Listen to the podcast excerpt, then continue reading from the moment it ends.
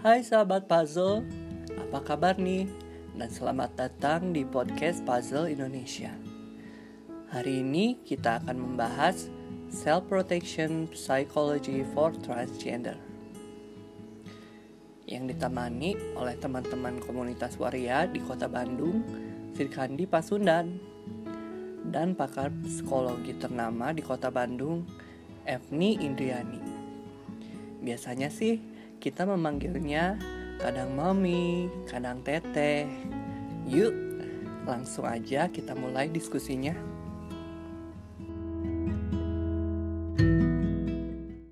Oke, kita nggak usah panjang lebar perkenalan, ya panggil aja Pipin.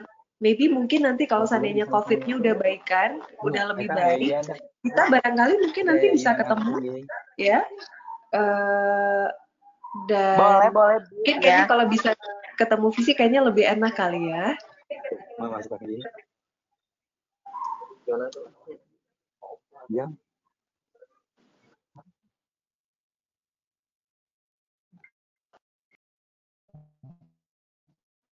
Oke.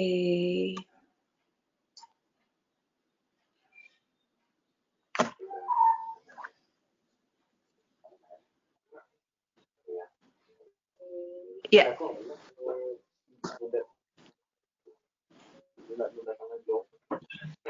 Teman-teman boleh di mute dulu. Kita mulai. Mm -mm.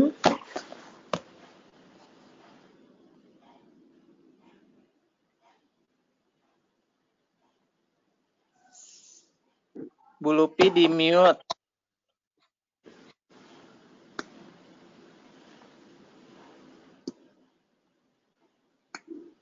Okay.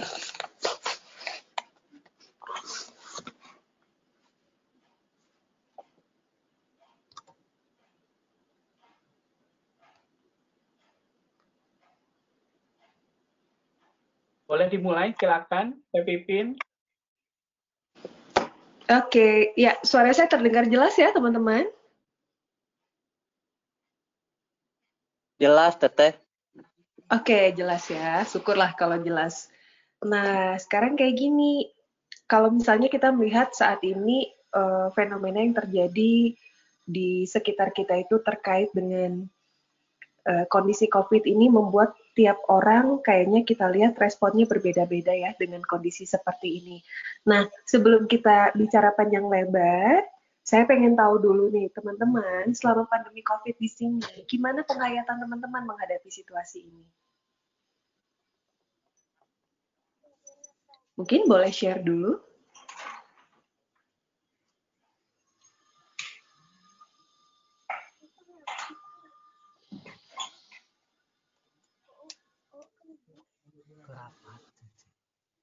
Mm -mm. Ada yang mau share misalnya kayak gini kok akhir-akhir ini aku gampang psikosomatis ya. Misalnya kayak gini gampang banget sakit kepala. Ya. Terus misalnya eh, gampang banget ngerasa nggak nyaman. Itu yang pertama. Yang kedua ada juga yang bilang kayak gini, aku kayaknya hope-nya udah hilang deh, nggak tahu kapan pandemi berakhir, dan nggak tahu apa yang harus dilakukan lagi.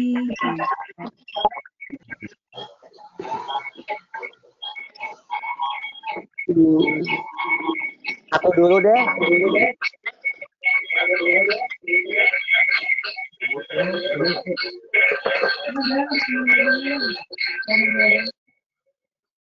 Mama di mute dulu.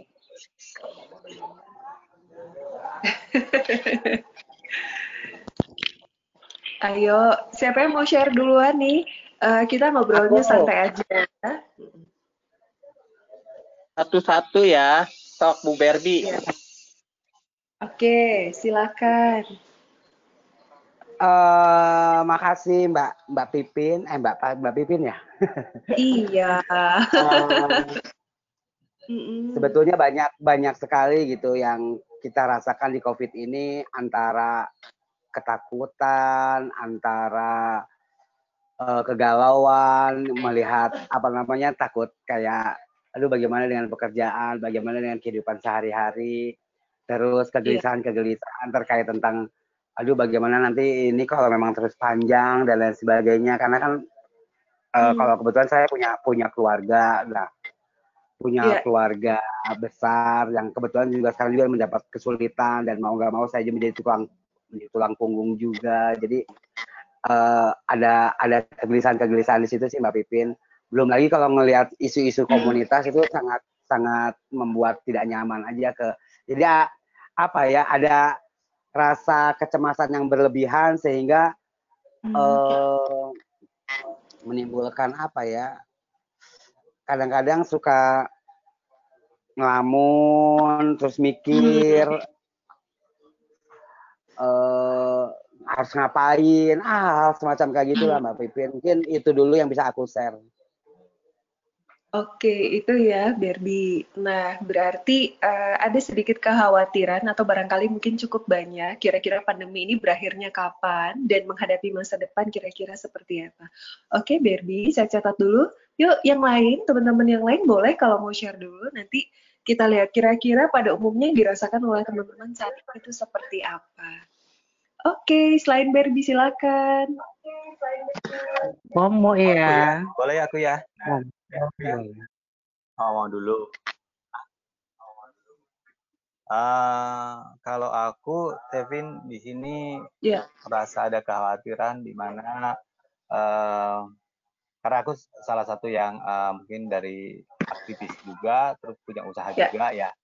Jadi di sini yeah. emang sangat berdampak di mana uh, proses jadi kayak pembatalan untuk jas pengantin, untuk make up, mm. nah, ini sangat hmm. berdampak sekali gitu. Ini, ini mm. sangat berdampak sekali uh, di mana uh, ini membuat uh, saya akan tingkat stres lebih tinggi gitu kan. Karena mm, ada beberapa yeah. hal di sini terkait harus pengembalian uh, uang muka, terus pengcancelan-pengcancelan seperti itu. Mereka terkadang dia memintanya dengan tekanan-tekanan seperti itu, gitu kan.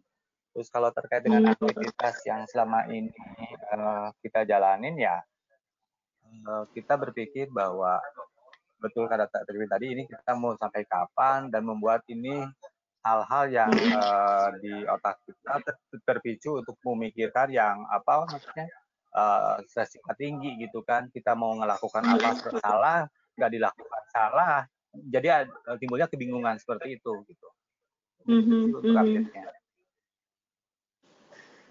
Oke, oke ya, seperti itu. Jadi beberapa proyek kerja yang harusnya bisa jalan harus berhenti karena memang ada pandemi COVID seperti ini ya. Hmm, oke. Okay. Iya betul betul. Oke okay, ya. Yang lain, teman-teman silakan. Mau Bu, maaf mau tanya. Salam kenal Ibu Pipin. Uh, nama nama saya Momo ya. Ya. Uh, punten maaf mau ini mau curhat sedikit sama Ibu Pipin ya. Okay. Saya itu satu salah satu transpuan yang oda yang setiap hari minum ARV ya Bu ya. Yang menjadi yeah. gundah gulana itu takutnya uh, eh, ARV itu menghilang, nggak ada gitu. Yang itu yang bikin kesatu itu yang bikin hmm. membuat aku gundah gulana nggak bisa tidur nggak bisa makan nggak bisa apa-apa bu ya karena takutnya ARV itu nggak ada takut takut susah gitu nantinya kedua hmm. ya seperti itu masalahnya ketakutan ketakutannya kan kita juga uh, buka usaha ada pengalaman pahit kemarin uh, aku yeah. lagi uh, dibubarin gitu lagi ngerias ya itu seperti itu uh, curhatan-curhatan uh, gitu. Tapi yang paling utama mah itu masalah yang ketakutan paling utama itu takutnya ARP susah nantinya Bu itu. Itu yang membuat uh, uh, Momo sebagai transpuan yang setiap hari harus minum ARP itu yang, yang dibikin ditakutkan itu itu Bu. Terima hmm. kasih. Hmm. Oke, oke, oke. Saya catat ya. Hmm. Yang lain ada lagi? Aku siap, Bu. Iya. Halo. Halo Teh Vivi, ya. nama aku Reza. Aku dari Iya, Reza. Iya.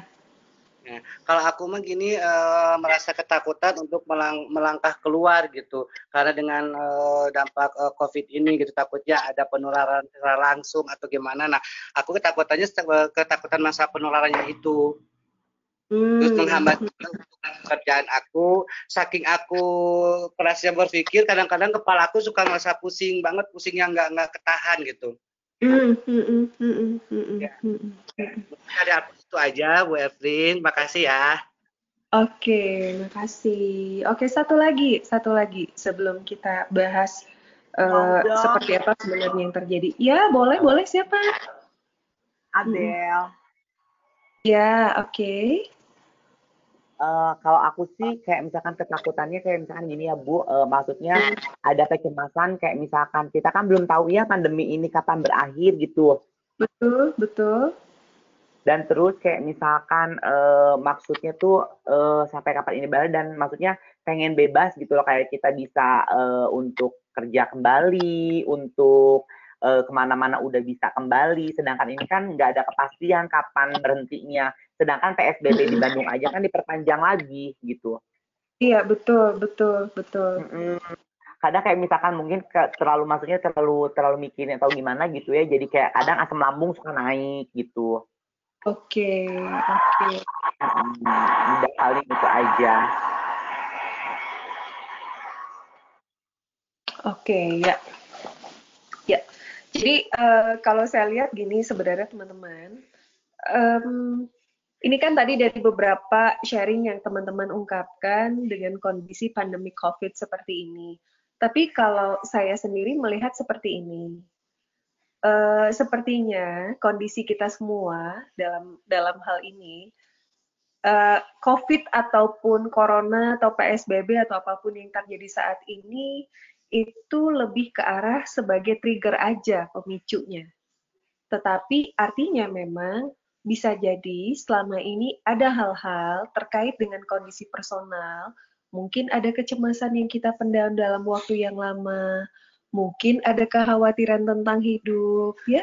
Bisa juga ada luka-luka batin yang selama ini belum kita pulihkan dengan total. Ya nggak teman-teman?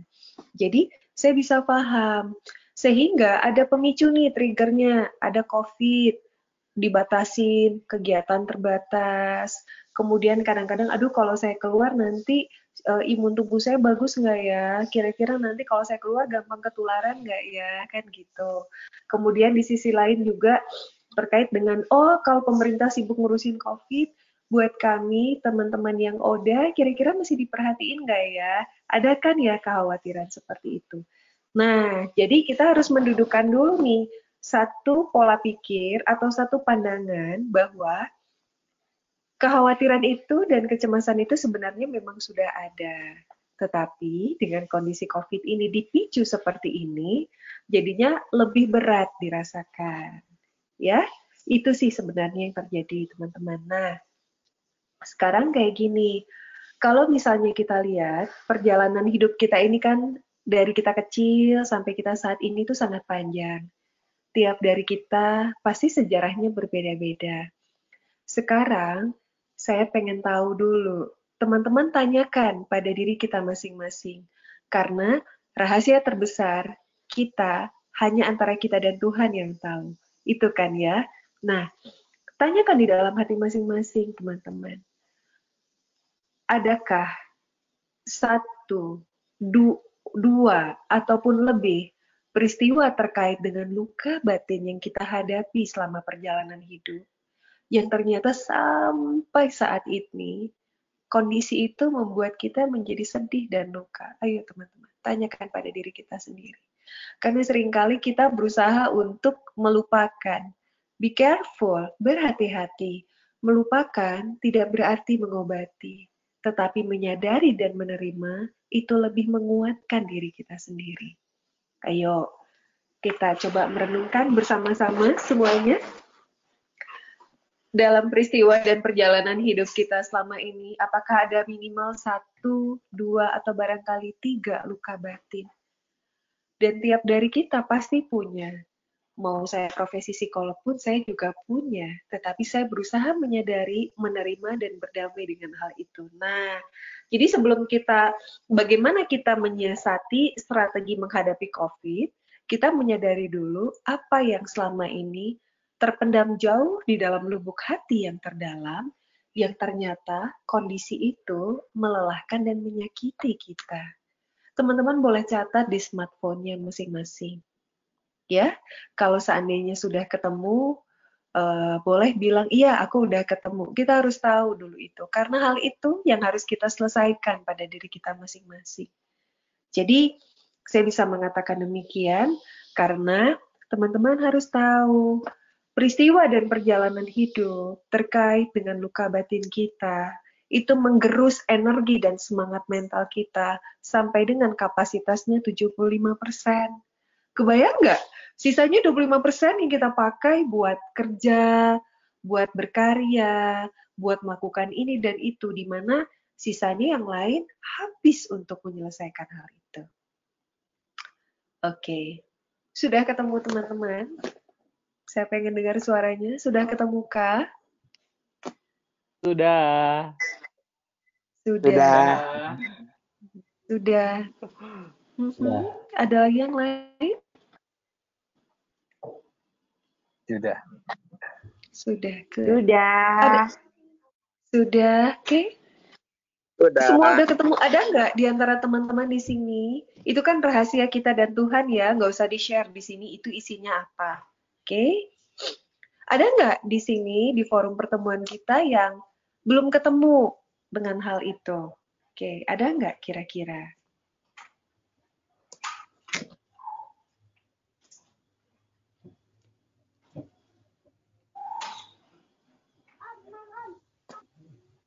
Ada yang belum ketemu?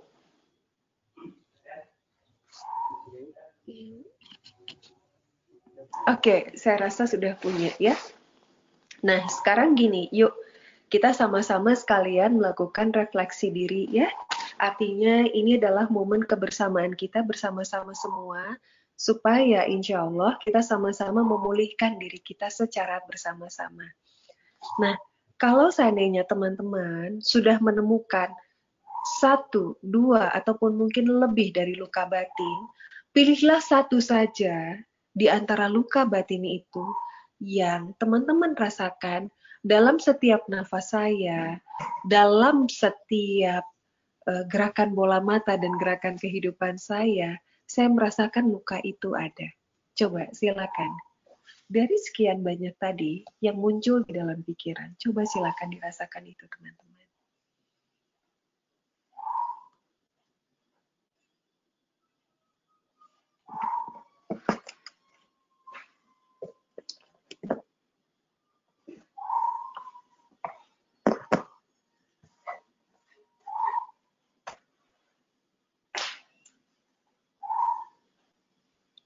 Saya yakin di antara teman-teman pasti menemukan itu.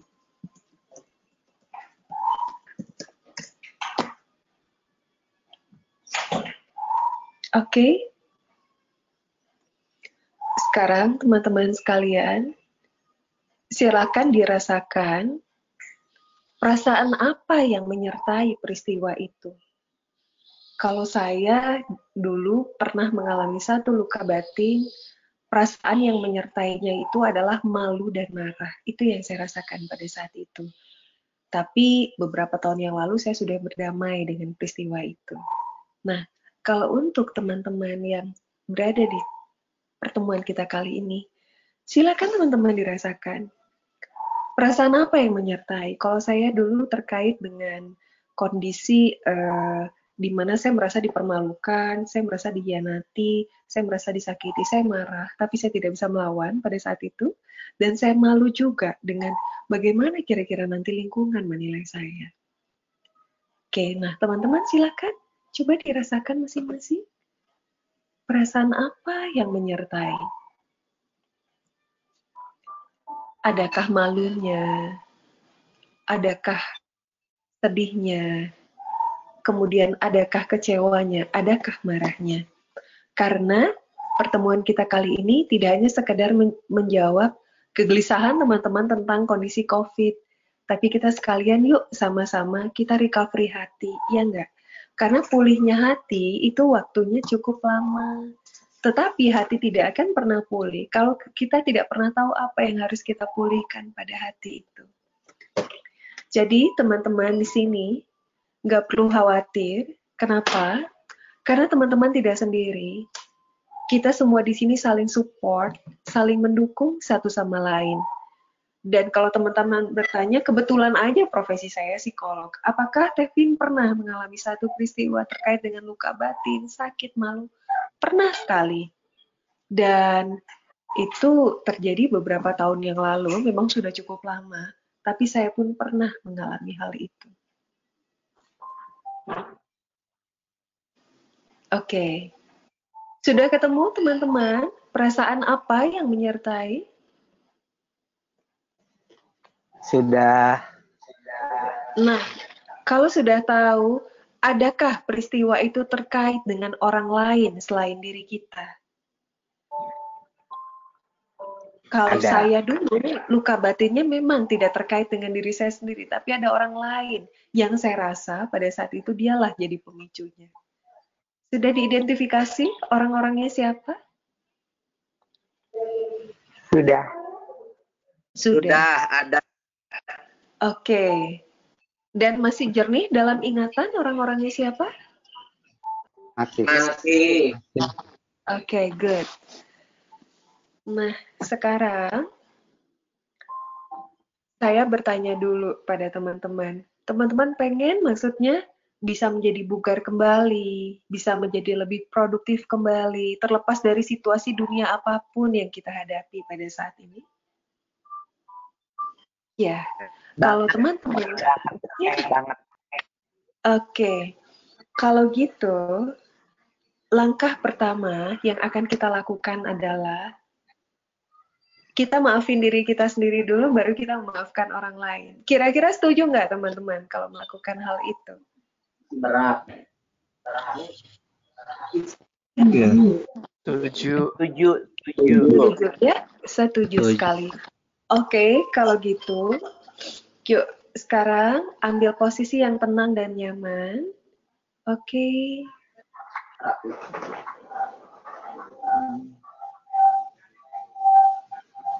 Kemudian, kemudian teman-teman, silakan pejamkan mata.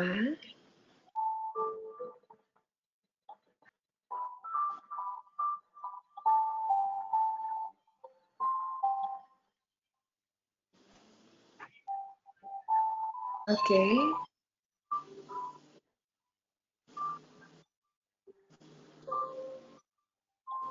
Ya.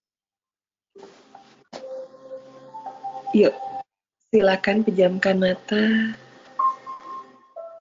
Tarik nafas yang dalam.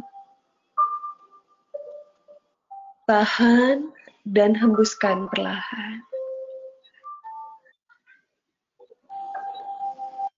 sahabat-sahabatku yang baik hatinya, yang diberkati oleh semesta alam. Pertemuan kita pada hari ini bukanlah sebuah kebetulan. Ini adalah waktu bagi kita untuk secara bersama-sama kembali kepada diri kita masing-masing pada saat ini.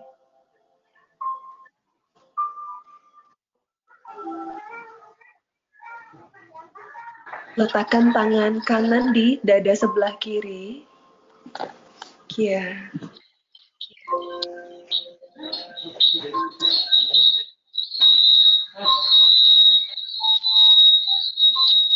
Dan rasakan detak jantung kita. Dengan kondisi mata terpejam, kita merasakan detak jantung sahabat-sahabatku yang ada di sini. Sudahkah kita mengucapkan terima kasih kepada jantung kita?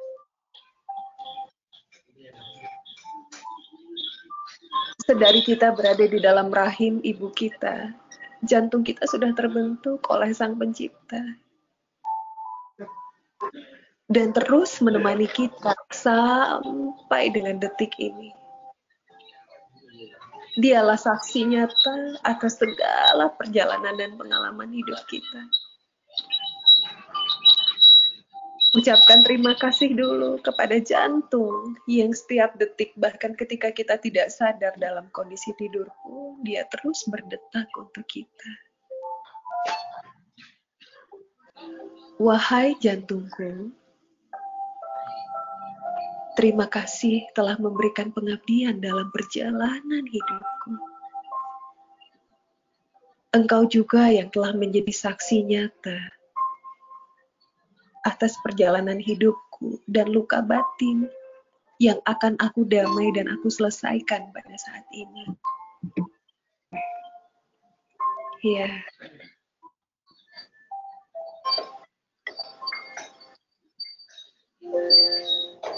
Tarik nafas yang dalam. Tahan, hembuskan perlahan. Ya, bagus sekali. Sahabat-sahabatku,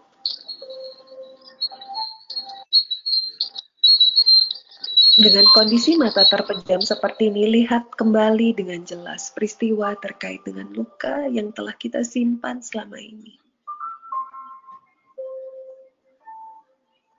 sebenarnya bukan berarti kita tidak bisa menyelesaikan, tapi kebetulan kita menyimpannya di dalam lubuk hati yang terdalam. Dan rasakan seperti apa detak jantung kita ketika melihat peristiwa itu dengan nyata, teman-temanku.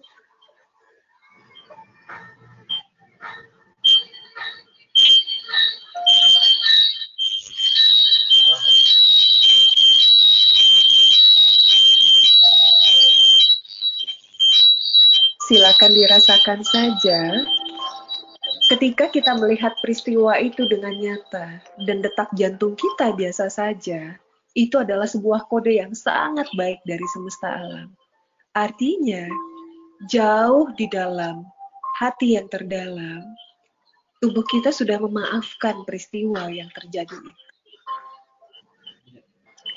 Jadi, adakah di sini teman-teman yang detak jantungnya Biasa saja, ketika teman-teman membayangkan dengan nyata peristiwa yang menjadi luka batin di masa lalu dalam perjalanan hidup. Adakah teman-teman yang detak jantungnya biasa saja? Silakan dirasakan. Oke, okay, good. Ada. Ada. Ada, ada. Good. Bagus sekali. Bagus sekali. Nah, Sahabat-sahabatku sekalian, tahukah kita bahwa kita diciptakan dengan penuh kebaikan? Artinya, jauh di dalam hati yang terdalam, tubuh kita sebenarnya sudah berdamai dan memaafkan. Tapi ketika teman-teman mengatakan, Mbak Pipin atau Teh Pipin, tapi peristiwa itu masih nyata ada, iya. Kita sering kali belum memaafkan itu hanya hanya di dalam tatanan pikiran. Tapi tubuh kita sebenarnya sangat pemaaf. Ini salah satu kodenya. Dan bersyukurlah ketika detak jantung kita biasa saja ketika mengingat peristiwa itu. Dan teman-teman sekalian dan sahabat sekalian di sini tidak ada sampai yang nafasnya terhenti. Ya. Tubuh kita udah memaafkan? Sudah.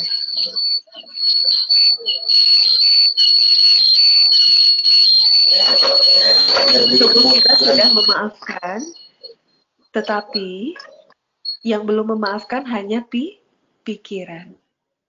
Nah, bagaimana caranya supaya pikiran kita bisa memaafkan peristiwa itu, sahabatku? Perlu diingat, kita diciptakan dengan kemampuan fungsi otak yang sangat dahsyat. Dengan kemampuan ini, membuat kita mampu mengingat memori apa pun, sekecil apa pun itu. Ketika tubuh kita sudah memaafkan, peristiwa itu masih ada dalam pikiran. Iya, betul. Sekarang kita tinggal mengubah mindset atau pandangan kita. Artinya, ketika tubuh kita memaafkan, tidak berarti memori itu hilang. Karena perangkat fungsi otak kita dilengkapi dengan kapasitas memori yang sangat dahsyat. Jadi, ketika kita sudah memaafkan, tidak berarti memori itu akan hilang. Memorinya sudah ada, tapi ketika detak jantung kita sudah lebih tenang, bergembiralah karena berarti tubuhmu telah melakukan proses pemulihan atas hatimu. Sekarang kodenya itu. Jadi, ketika kita berdamai, tidak berarti kita lupa. Kita berdamai artinya perangkat tubuh kita sudah biasa-biasa saja. Hanya kita tinggal mengubah mindset kita bahwa berdamai tidak sama dengan lupa Lupa hanya akan terjadi kalau ya kita mengalami amnesia. Lupa hanya terjadi apabila kita mengalami kepikunan.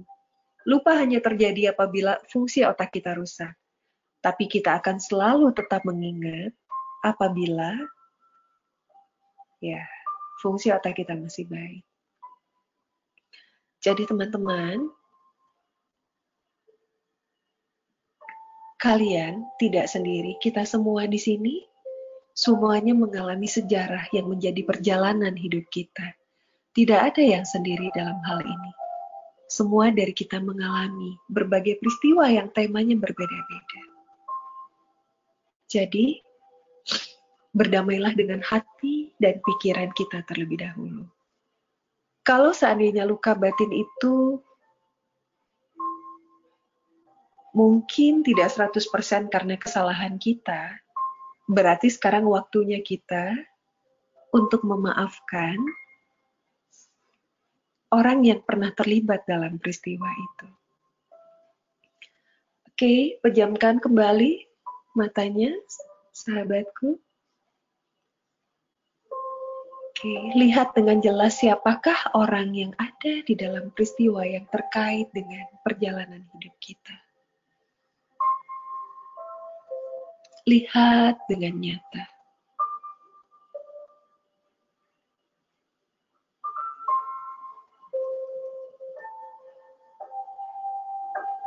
Ya, dia memang pernah ada dalam peristiwa di masa lalu yang saat ini memori kita masih jernih melihatnya. Rasakan kembali detak jantung kita, wahai sahabatku. Rasakan detak jantung ketika kita mengingat dan melihat dengan nyata. Dialah yang dulu ada pada peristiwa di masa lalu. Dari perjalanan terkait dengan luka yang dirasakan.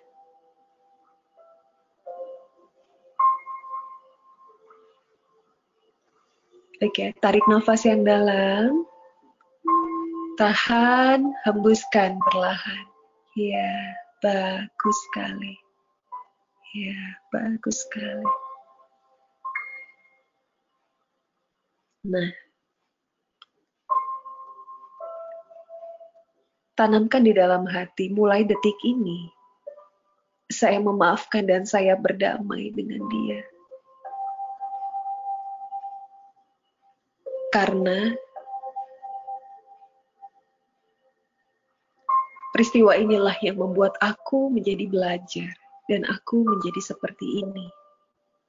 Tanpa peristiwa itu, mungkin aku tidak sedewasa ini saat ini.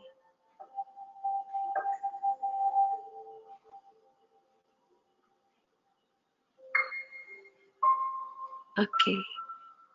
ucapkan doa di dalam hati. Maafkan, maafkan dia, karena dia tidak tahu apa yang dia perbuat. Sesungguhnya sahabatku, ketika engkau memaafkan dia, itu bukan untuk dia, tapi itu untuk kebaikan dirimu sendiri. Ketika satu kali engkau mampu memaafkan dia atau mereka, lima kali ledakan kehebatan fungsi kerja otak dan tubuh, dan 20 kali lipat sistem imun tubuhmu akan meningkat. Jadi sesungguhnya kita semua di sini memaafkan karena untuk diri kita sendiri. Oke, sekali lagi tarik nafas. Tahan, hembuskan perlahan. Ya, bagus sekali. Relax, tenang, damai.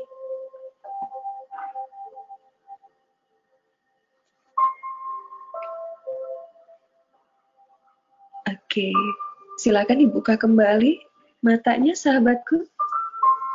Nah, sahabat-sahabatku sekalian, inilah waktu bagi kita untuk semakin berdamai dengan perjalanan hidup kita. Apa pun profesi kita saat ini, apa pun aktivitas kita saat ini, sebaik-baiknya manusia, yang paling baik di mata Tuhan dan semesta alam adalah yang paling bermanfaat untuk sesama. Kita hidup tidak atas dasar penilaian orang lain, tapi kita hidup atas dasar kedamaian diri kita sendiri. Karena setiap dari orang memiliki penilaian yang berbeda. Tapi ketika kita hidup atas dasar kedamaian diri kita sendiri, itulah yang disebut dengan kebahagiaan yang hakiki.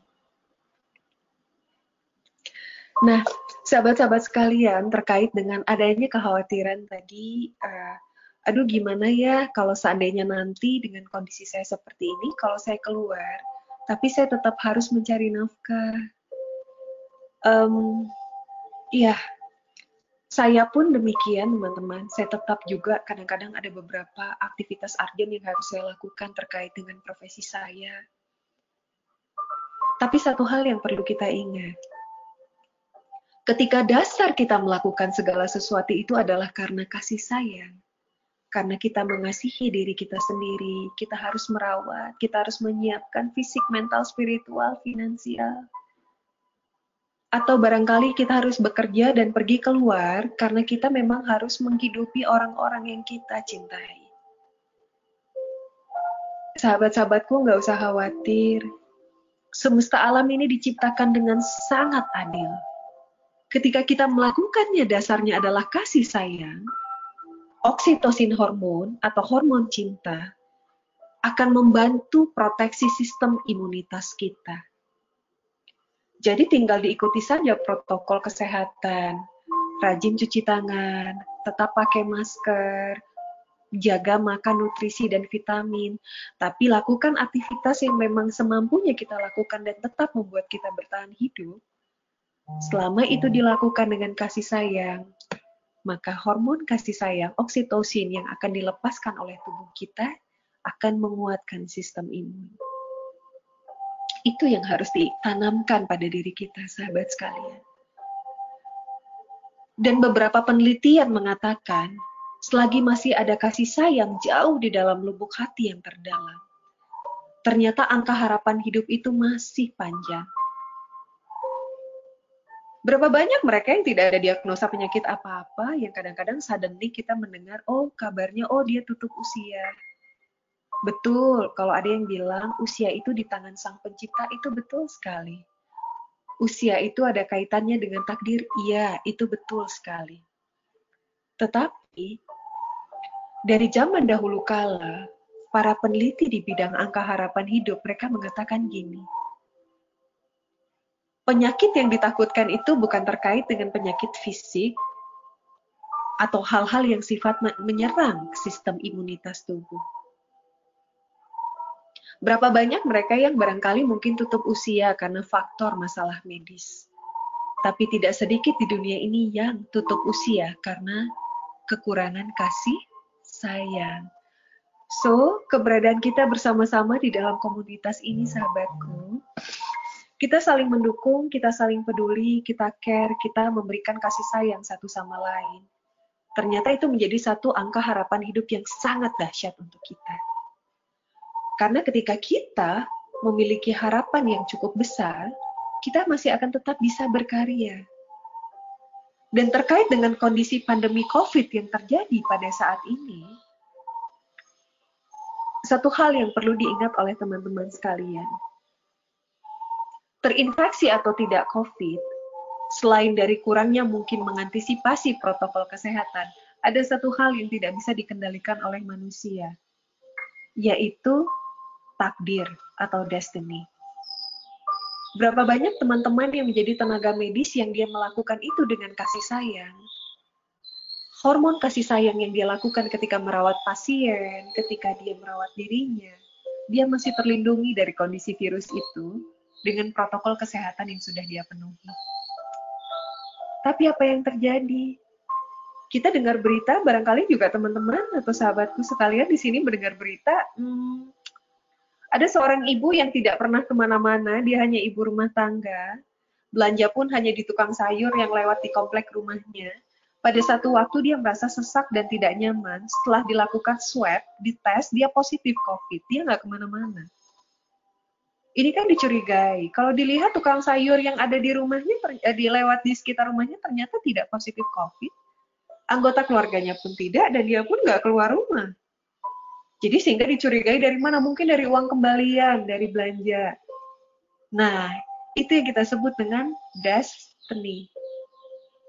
Dan berapa banyak teman-teman dan sahabat kita di luar sana yang harus cari nafkah. Karena mereka memang harus keluar setiap hari untuk memenuhi kebutuhan itu. Tapi dasar dia melakukan itu karena dia cinta, dia kasih dengan dirinya, dengan keluarganya, dengan orang-orang yang dia sayangi. Adil ya semesta alam. Destiny-nya tidak tuh, tidak terjadi pada dia. Jadi teman-teman sekalian di sini, don't worry, be happy. Ya, ada faktor takdir yang tidak bisa kita kendalikan. Dan ada faktor kasih sayang bisa, yang bisa menguatkan diri dan tubuh dan diri kita semua. Jadi, berkasih sayanglah satu sama lain. Berikanlah dukungan. Dan mulai dari detik ini, kita berdamai dengan diri kita sendiri. Kita berdamai dengan peristiwa di masa lalu. Dan ketika memori itu jernih ada dalam pikiran kita, kita tahu itu memang peristiwa yang tidak akan pernah hilang dari ingatan kita. Tapi kita berdamai dengan hal itu. Ya. Memang sampai saat ini pandemi COVID itu kita nggak tahu endingnya kapan. Barangkali memang tadi saya mendengar curhat dari teman-teman beberapa pekerjaan uh, terpending atau tertahan atau harus mengembalikan uang dan lain seterusnya kontrak terputus. Iya itu memang betul. Tetapi gini kondisi seperti ini tidak terjadi selamanya. Karena saya pun banyak berdiskusi dengan teman-teman di bidang spirituality dan astronomi perbintangan mereka kerap menghitung siklus terjadinya perjalanan rotasi bumi dan bulan jadi kita juga harus memaafkan dan berdamai. Karena bumi pun butuh recovery, butuh memulihkan diri dari semua yang sudah dilakukan manusia saat ini. Bersyukurlah teman-teman kalau kita selama ini ya mungkin kita nggak bikin nuklir, ya nggak? Kita nggak juga bikin pabrik yang limbahnya merusak. Mungkin kita hanya memakai kendaraan. Itu pun mungkin sebatas aktivitas transportasi kita. Tetapi terlepas dari oh itu kayaknya bukan perbuatan aku kan orang lain yang punya pabrik yang bikin nuklir yang bikin efek pemanasan global ya tapi bumi juga butuh dipulihkan karena bumi juga butuh recovery supaya ke depannya bumi akan menyediakan hal yang terbaik untuk kita menjadi lebih baik lagi jadi kita sabar karena selama ini bumi juga udah ngalah sama kita ya mungkin tadi segelintir orang yang mengambil keuntungan tambangnya diambil, pohonnya ditebang, dieksploitasi tapi buminya nggak dirawat. Memang mungkin bukan kita yang melakukan itu, tapi kita ada di bumi. Mau nggak mau kita harus menerima konsekuensi dulu. Kasih waktu dulu buat sang bumi untuk pulih. Makanya memang beberapa simulasi artificial intelligence bilang, dari para ahli bilang, paling lama mungkin itu sampai ya sekitar Septemberan barangkali prediksi mereka. Jadi kita sabar dulu karena kita juga harus cinta dengan bumi. Bumi udah ngasih banyak buat kita, udara gratis. Ya sebenarnya udara gratis, air gratis, semua gratis. Yang bikin itu bayar kan hanya karena kondisi tertentu. Kalau di rumah sakit udara oksigen jadi bayar. Kalau kebetulan kita langganan PDAM ya airnya harus bayar. Padahal kalau bikin jet pump sendiri, airnya atau sumur sendiri semuanya gratis. Ngambil dari sungai juga gratis. Ya, jadi kita sabar dulu. Ya, kita sabar dulu. Kita bertahan dulu. Ini hanya terjadi dalam beberapa waktu saja. Dan prediksi itu sudah dilakukan. Dan perlu diingat, ketika kita melakukan kebaikan, kebaikan tidak akan pernah tertukar karena hukum aksi reaksi, ya enggak, law of attraction. Kebaikan yang kita lakukan akan membuahkan kebaikan yang lain. Jadi, teman-teman sekalian, sahabat sekalian, teruslah berbuat baik pada diri kita sendiri, pada seluruh anggota tubuh kita, pada orang-orang yang kita kasihi, pada orang yang menjadi orang tua atau orang yang sudah kita anggap jadi orang tua kita orang-orang yang kita anggap sebagai kerabat kita, berbuat baiklah, supaya hormon kasih sayang tadi menjadi proteksi terhebat yang akan menguatkan fungsi tubuh kita. Dan salah satu tadi sahabat kita ada yang mengatakan, gimana ya teh mbak, kalau seandainya pemerintah dan dunia sibuk ngurusin COVID, nanti kondisi uh, ketersediaan ARV seperti apa? Nggak usah khawatir karena COVID ini, ini adalah sifatnya pandemi yang terjadinya sementara. Sehingga ini disebut dengan kondisi emergensi. Jadi saat ini mau nggak mau kayak negara tuh APBN-nya harusnya bikin jalan layang, bikin apa, dialihkan untuk uh, penanganan pasien-pasien COVID, untuk beli obat COVID. Ini sifatnya situasional yang uh, sementara. Ini emergency, ini force majeure, dan ini tidak selamanya. Tetapi komitmen dunia untuk membantu teman-teman Oda tetap produktif, tetap bisa berkarya, tetap bisa menghasilkan yang terbaik dan membantu sesama, itu komitmennya akan selalu tetap ada. Karena itu long lasting. Karena itu memang harus terus diregulasi dan dibantu. Jadi tenang aja ya. Jadi sahabat-sahabat atau teman-teman sekalian, perlu diingat, kita hidup itu didasari oleh persepsi sering kali kejadiannya belum terjadi, tapi persepsi dan penilaian kita yang membuat seolah-olah itu terjadi. Hati-hati ya, makanya mulai sekarang jangan uh, berandai-andai dulu karena pengandaian itu belum tentu terjadi. Kenapa? Karena pengandaian kalau kebetulan kebetulan yang kita andai-andaikan itu adalah hal-hal yang sifatnya mengkhawatirkan, menakutkan, itu akan membuat sistem imun kita turun berapa kali lipat. Jadi perlu diingat tadi, perlu digarisbawahi. Segala sesuatu akan terjadi, tetap ada takdirnya. Berapa banyak mereka yang nggak nggak punya masker, nggak punya protokol kesehatan, hidup masih di jalanan, jadi anak jalanan yang mungkin mereka nggak punya tempat untuk bermukim, toh belum kena-kena aja tuh gitu. Apa yang terjadi? Karena tadi tidak ada kekhawatiran. Ya, jadi hati-hati teman-teman dengan faktor yang terkait dengan pikiran kita. Jadi, pandemi COVID ini memang global, tapi ini terjadinya situasional. Ini hanya force majeure, emergensi sesaat, karena bumi pun butuh dipulihkan. Dan teman-teman tahu, dengan kondisi seperti ini, sekarang coba lihat.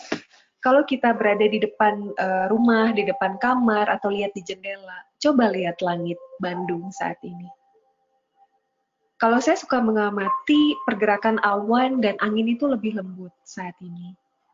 Kalaupun cuacanya mendung, langit tetap lebih bersih karena selama ini kan polusinya luar biasa ya. Polusi pabrik, polusi kendaraan, banyak sekali. Jadi bumi lagi bebenah, bebersih, beberes, pengen menangin kondisi dia juga supaya ke depan bisa memberikan pelayanan yang terbaik buat kita para tamu yang ada di bumi ini. So don't worry, be happy teman-teman. Ya. Tenangkan diri. Kalau saat ini kita semua harus prihatin, ya betul.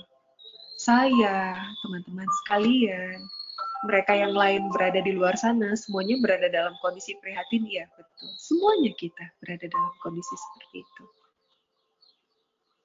Ya, dan perlu diingat, Kita hidup bukan atas dasar penilaian orang lain. Karena kita hidup atas dasar penilaian dan kebahagiaan diri kita sendiri. So, mulai dari ini, tanamkan kasih sayang dalam diri, tanamkan kasih sayang untuk lingkungan sekitar, jadikanlah kita orang-orang yang bermanfaat dan banyak berbuat baik. Karena itulah orang-orang yang sangat baiknya di mata Tuhan dan semesta alam. Ya, jadi itu yang sangat ditanyakan. Ketika someday mungkin ketika kita sudah habis perjalanan kita di dunia, bekal apa yang kita bawa? Bekal kebaikan, dan itu yang akan dikenang selamanya, menjadi memori dalam perjalanan hidup kita. Ayo, dari tadi saya lihat satu-satu mukanya serius. Ayo dong, pegang dadanya kita senyum pada diri kita sendiri ya. Kita senyum sama-sama pada diri kita. Mungkin kita udah lupa gara-gara sibuk baca berita COVID, beritanya ini dan itu belum ada hoax. Kita lupa ya tersenyum sama diri kita sendiri. ayo, ayo, ayo. Start from this time. Smile to your body. Keep smile. Ayo tersenyum pada diri kita sendiri. ya. Karena tubuh kita berhak untuk mendapatkan senyum dan kebahagiaan yang berasal dari diri kita sendiri. Karena itulah kebahagiaan yang paling hakiki. Oke, nah sekarang saya tanya lagi sama teman-teman sekalian apalagi nih yang mau di-sharekan? Nanti kita bahas di forum ini dan kita bisa saling menguatkan satu sama lain. Ayo. Silakan. Ya, teman-teman. Iya. Yang mau ditanyakan, ada yang mau di-sharekan. Ternyata gini loh, sebuah penelitian bilang ketika kita sharing tentang apa yang kita rasakan, mungkin kesedihan, kegalauan, masalah kita, dan itu dipecahkan bersama-sama, ternyata itu menjadi energi yang sangat menguatkan pada diri kita. Dan itu yang membuat kita tahu bahwa, oh, ternyata tidak cuma saya yang mengalami seperti itu. Teman-teman lain pun mengalami hal yang demikian sama ternyata. Oke, boleh. Silakan. Ini kesempatan buat teman-teman. Aku. Oke, Barbie, silakan. Ya. Uh, ya, Mbak Pipin, makasih ya. ya. Uh, refleksinya sudah sangat luar biasa. Memang uh, beberapa bulan ini uh, sebetulnya masih ada keresahan sama di dalam hati saya terkait tentang ya. sebuah kepercayaan, sebuah kecurigaan, dan ya. sebagainya dan itu sangat menghantui sampai-sampai saya tidak mau membuka Facebook dan akhirnya saya menjadi okay. tidak produktif selama beberapa bulan ini. Ya, saya okay. jujur saja di okay. sini. Iya. Uh, sebetulnya saya termasuk waria yang sangat kuat. Saya saya berjalan dari cuman memang beberapa bulan ini ada beberapa sebuah apa ya perasaan-perasaan yang apakah orang ini berpikir kepada saya itu salah atau tidak. Saya sering saya sampai ngelamun sendiri ya itu. Uh, terus apa yang saya lakukan apakah salah atau tidak? Kadang-kadang saya suka tanya sama teman-teman yang saya lakukan salah atau enggak gitu. Uh, karena saya lagi saya lagi mendapatkan hal itu gitu. Sehingga berapa bulan ini saya menjadi tidak sangat sangat tidak produktif dan saya tidak berani membuka Facebook uh, sampai saya mau menulis biasanya saya aktif di Facebook itu dengan kegiatan-kegiatan yang positif karena saya percaya dengan kekuatan positif hukum tarik menarik mm-hmm. terus law of attraction yang tadi disebutkan yeah. percaya yeah. dengan pikiran positif tetapi iya. ketika yeah. ini dalam tiga bulan ini saya sampai menarik diri dari dari komunitas sampai saya tidak mau berbicara di Facebook saya tidak karena yang saya lakukan takut dianggap salah lagi.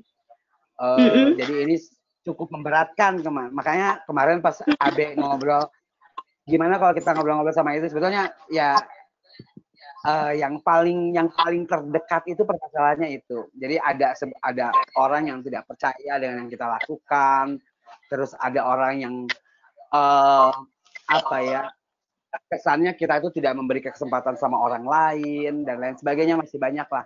Jadi itu hmm. menjadi menjadi pikiran apakah iya gitu aku tidak memberikan kesempatan sama orang lain? Apakah iya gitu aku melakukan hal ini aku melakukan hal itu? Dan saya sering ngobrol sama teman-teman untuk mencari penguatan.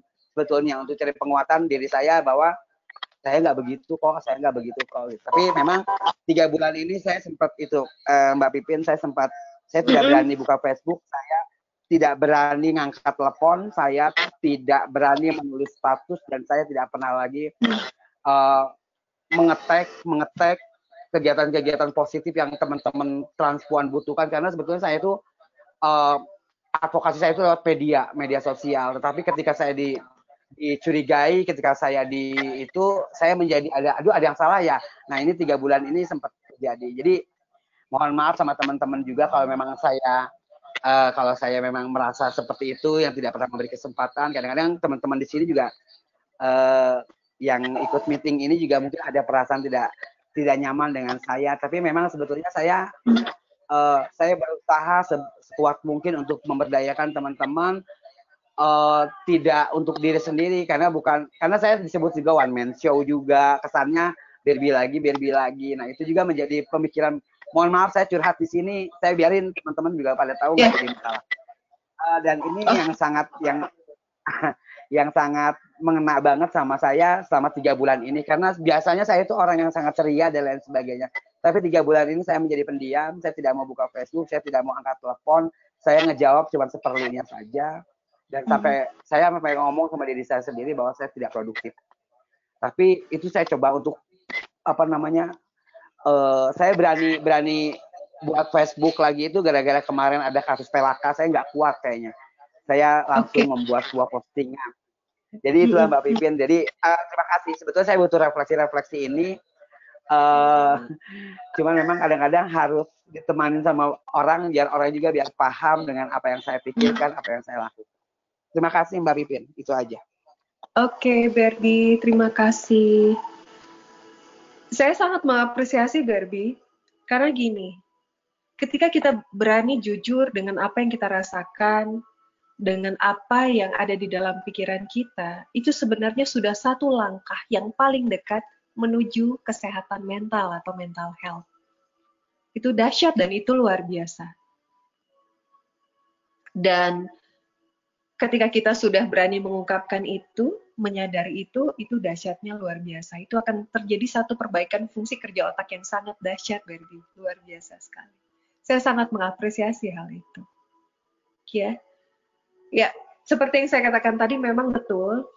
Uh, kita kalau untuk kayak di Indonesia ini, kita sering kali hidup itu karena persepsi orang lainnya nggak sih? Eh, kalau gue ngerjain ini, nanti orang suka nggak ya? Kalau gue ngerjain itu, kira-kira orang ngasih apresiasi nggak ya? Dan sering kali hal-hal seperti itu uh, apa ya hmm, membuat kita kadang-kadang jadi takut salah dalam bertindak apakah ini benar atau tidak menjadi bingung dan seterusnya. Itu yang yang sering terjadi ya kalau kita lihat. Nah sebenarnya gini Barbie.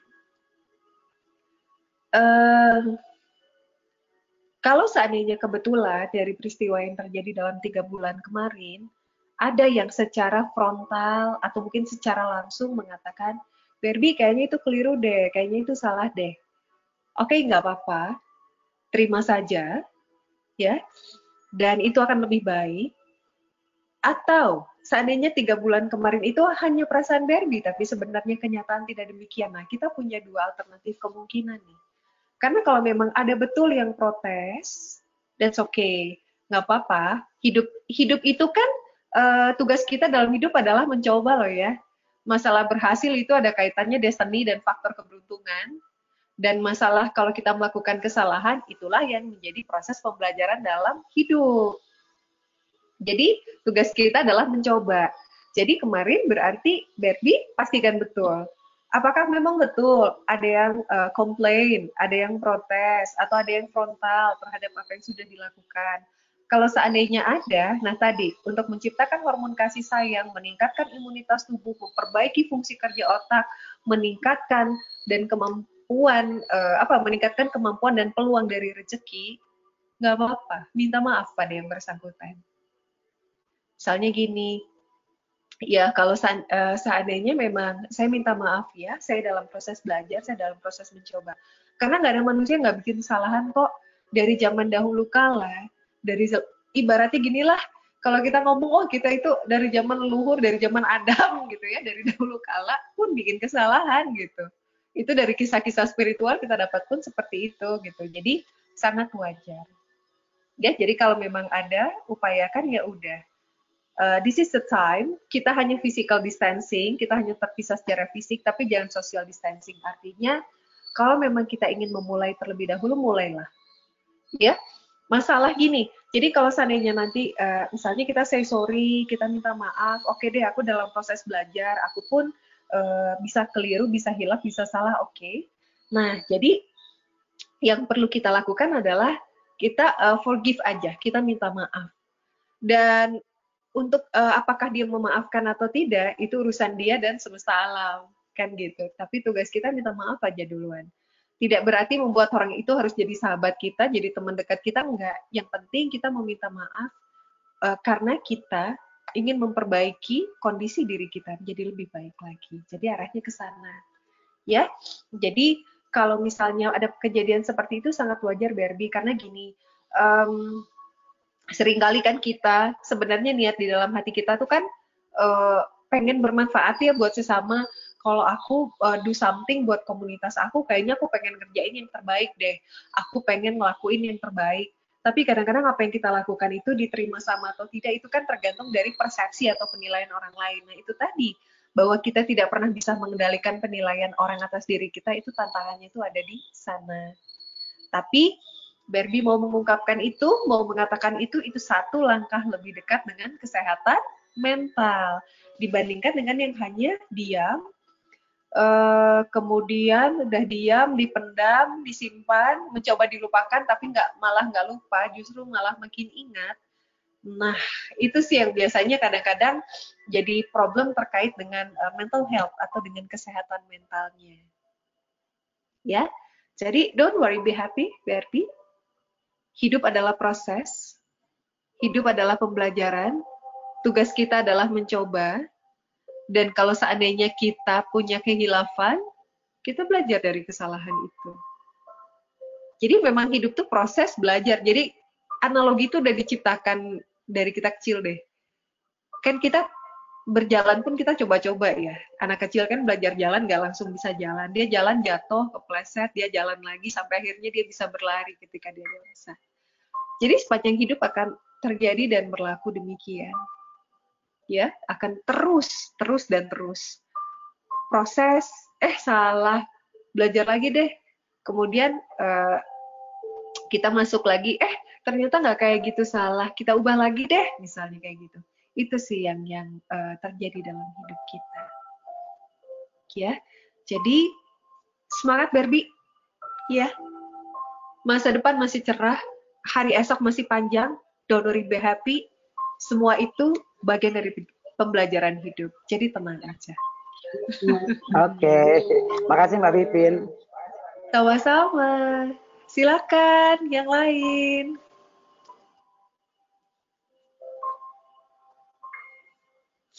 Silakan yang lain. Uh, this is the time. Ini adalah waktu bagi kita untuk saling berbagi di sini.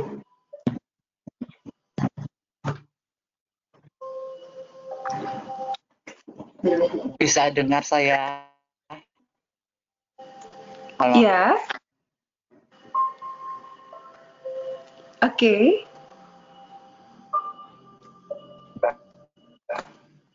Oke. Ya. bisa dengar ya? Karena ya, bisa. di sini sinyalnya terputus-putus. Iya, iya. Oke. Okay. Ini dengan Yuyun ya?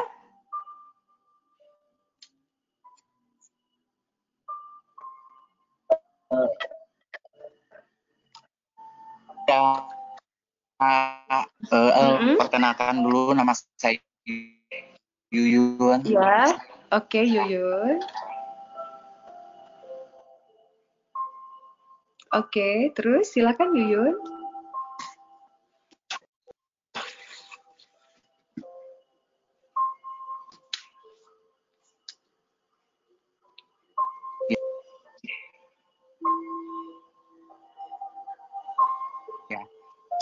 Oke, okay, Yuyun, ya. Ya, iya, iya. Uh, uh, ya, uh, saya terputus-putus uh, kebetulan, Yun. Uh, uh, ketika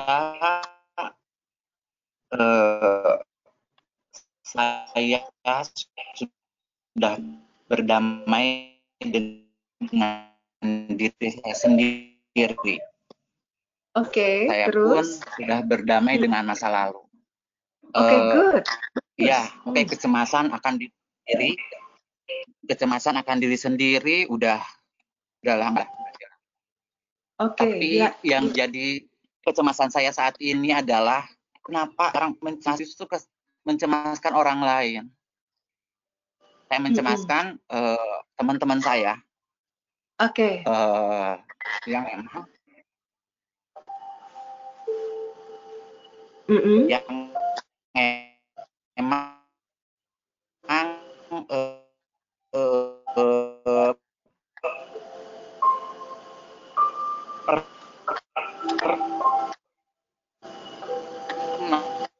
sampai ngomong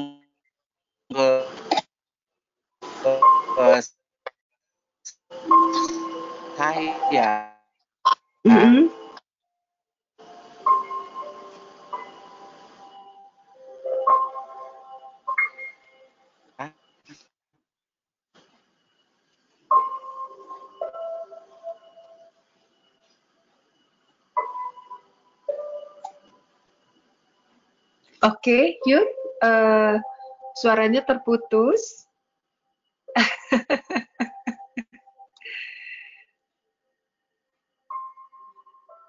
eh, eh, Teh Yuyun ini suaranya terputus-putus.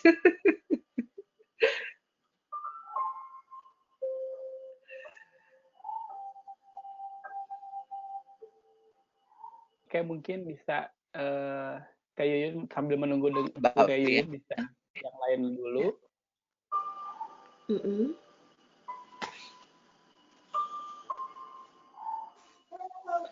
Oke, teman-teman yang lain. Halo Mbak. Halo, Halo. ya. Ya. Ya. Uh, saya Dea ya, yang dari Kabupaten Bandung Barat. Oke, ya Dea. Mm -hmm. Ya, kedengeran ya? Kedengeran. Uh, sepertinya apa yang mau disampaikan Yuyun sama uh, seperti saya. Nah,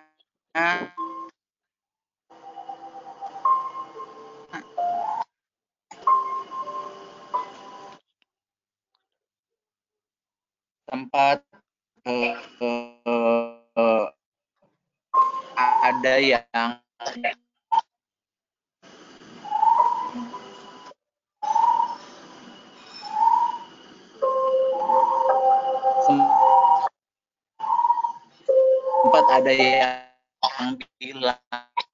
ke saya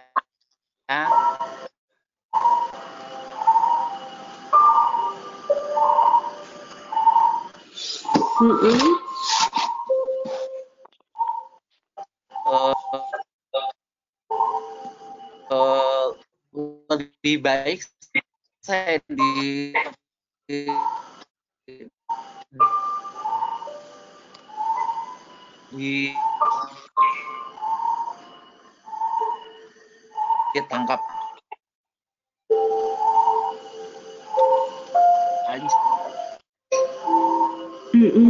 -hmm. ya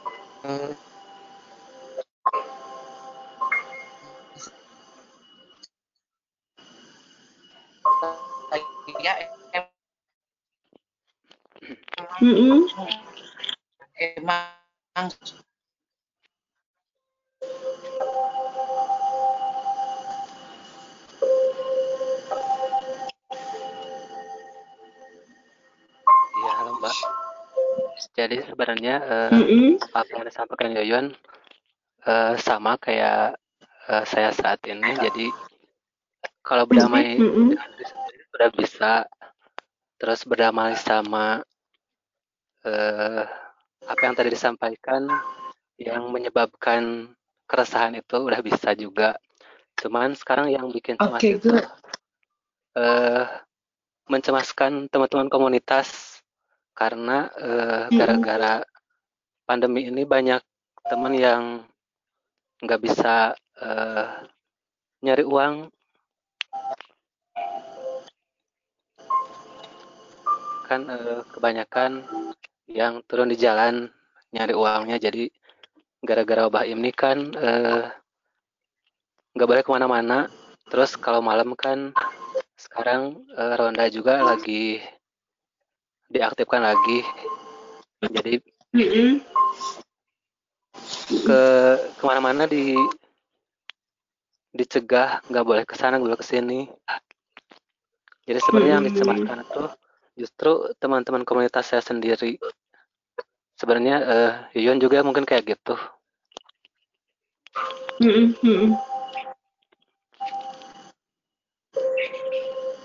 Ya mungkin uh, itu aja. Jadi yang dicemaskan teman komunitas saya sendiri yang nggak bisa nyari uang terus tadi uh, sepintas kedengeran uh, temannya Yuyun ada yang ditangkap katanya kayak gitu sebenarnya di sini juga sama hmm. jadi pas kalau lagi berangkat mau maaf mangkal di hmm.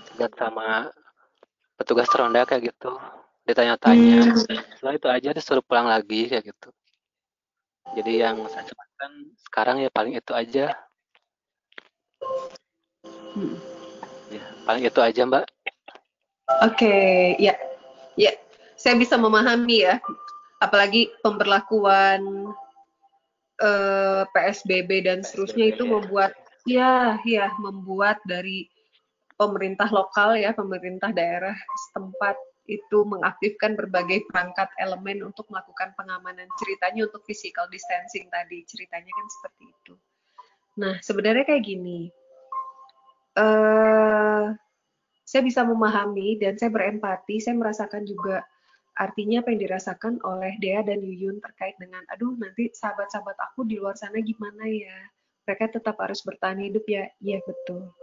Tapi sekarang kayak gini, Intinya adalah untuk bisa menghasilkan sesuatu yang pada akhirnya kita akan menerima konsekuensi finansial atau keuangan.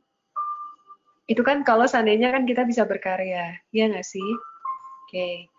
Nah, untuk bisa berkarya, tentu fungsi otak harus maksimal ya, teman-teman.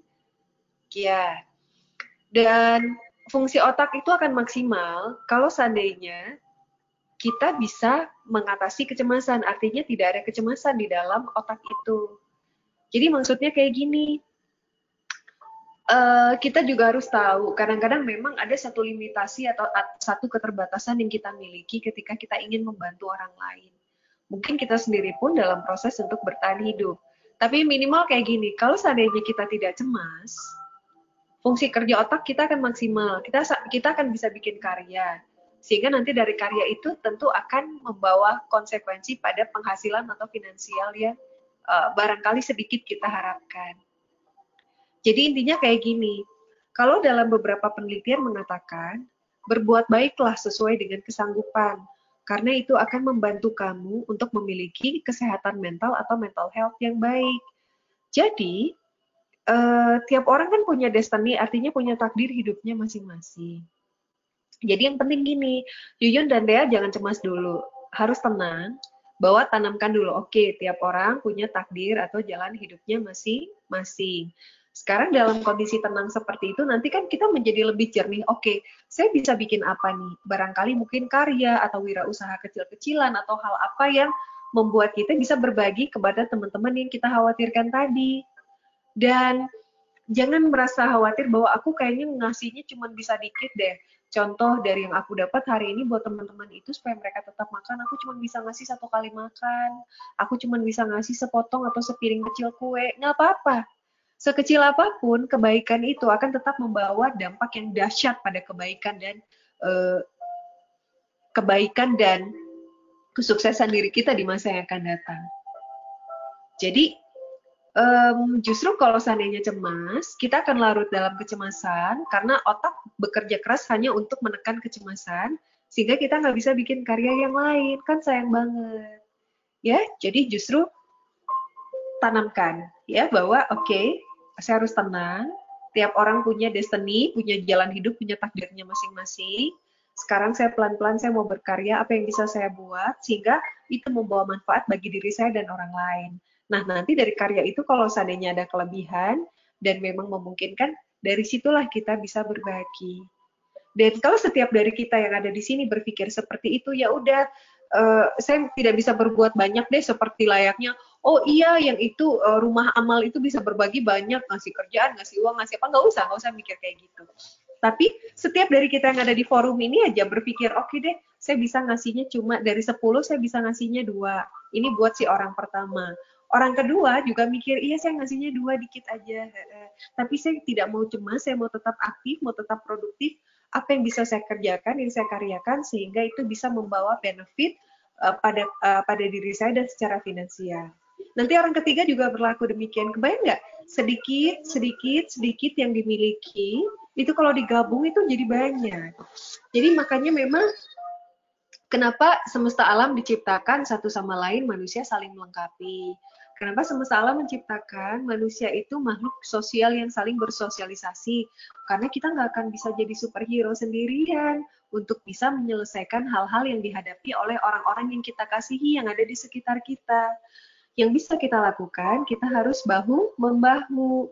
Jadi tenangkan dulu diri, jernihkan pikiran, bikin perencanaan yang matang. Apa nih strategi atau karya yang akan kita buat yang itu bisa membawa manfaat untuk diri kita dan orang sekitar kita. Dan hanya sedikit yang bisa kita sisihkan, nggak masalah. Yuk kita bahu-membahu dengan prinsip gotong royong seperti layaknya uh, filosofis yang udah dibuat oleh para leluhur kita ayo kita bahu-membahu bersama-sama untuk saling melengkapi toh yang sedikit demi sedikit dikumpulin tapi kalau dari banyak orang kita kompak satu sama lain insya Allah akan jadi lebih besar akan jadi lebih gede dan itu bisa membantu ya jadi tenang tenang dan tenang kita nggak nggak bisa jadi uh, superhero Makanya bahkan presiden pun dia harus ada menteri, harus ada kabinetnya, harus ada dibantu gubernur lagi. Kenapa? Karena nggak ada satu posisi di dunia ini yang bisa bekerja sendirian, yang bisa uh, berusaha untuk menghadapi ini sendirian. Jadi segala sesuatu harus bahu membahu. Tapi karya akan bisa kita lakukan kalau kitanya tenang, ya. Dan tentunya ketenangan itu akan didapatkan kalau kita satu sama lain saling mendukung secara bersama-sama. Dan memang kalau di era pandemi COVID dengan situasi yang serba mengkhawatirkan seperti ini memang bukan waktunya lagi bagi kita untuk menunjukkan siapa yang uh, karyanya paling bagus, paling apa enggak.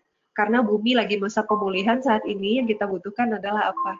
Yang kita butuhkan adalah uh, siapa saat ini yang satu sama lain mau jadi inisiator, bahu membahu, kita bersama-sama, kita kompak, uh, kita bersinergi yuk kita membentuk uh, satu dukungan satu sama lain. Apakah itu secara mental atau mungkin kalau seandainya bisa lebih sedikit sedikit demi sedikit secara finansial itu juga sangat baik sekali. Jadi kurang lebih begitu Yuyun dan Dea, ya. Iya, makasih Mbak. Sama-sama. Semangat ya, kompak ya dengan teman-temannya ya satu sama lain ya. ya Jadi ya, ingat makasih. cuma physical distancing tapi bukan sosial ya. Kita saling dukung.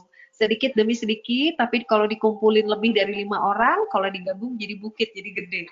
Ya, oke. Okay. Ya, silakan yang lain.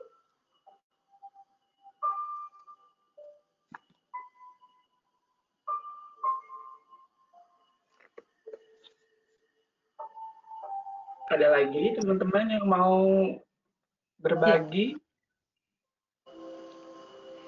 Ya, tapi memang sebenarnya gini ya, uh, Abe dan teman-teman semua, kita ketemu aja di sini, kita bisa sharing, kita bisa tukar pikiran, kita bisa saling dengerin informasi, kita bisa saling menguatkan, itu sebenarnya udah lebih dahsyat dari efek uh, obat sistem imun mana pun loh ya. itu dahsyat banget. Ya, jadi kita tahu kita nggak sendiri. Toh satu sama lain kita saling peduli kok, kita saling care kok. Toh kalau misalnya ada orang lain yang oh persepsinya miring, ada begitu, biarkanlah karena kita tidak pernah bisa mengendalikan pikiran orang lain. Tapi mulai detik ini kita hidup pada masa ini rasakan kebersamaan dan cinta kasih dari orang-orang di sekitar kita yang memang peduli dengan kita. Ya, jadi tenang aja teman-teman.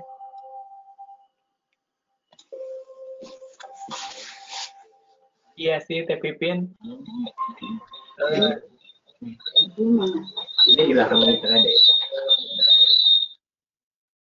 Aku juga dulu kan sempat sempat yang down yang sempat ngobrol juga sama Teh Pipin juga sempat down gitu kan. Cuman yeah. sekarang sekarang ini udah di aku udah udah berada di tahap yang uh, di, di tahap yang di mana kita sebagai manusia kita tidak selamanya bisa menyenangkan orang lain. Yes, betul, betul sekali. Itu jadi se semam, sekuat kita, sepowerful kita bagaimana untuk bisa menyenangkan orang lain, menyenangkan sahabat, teman, keluarga gitu.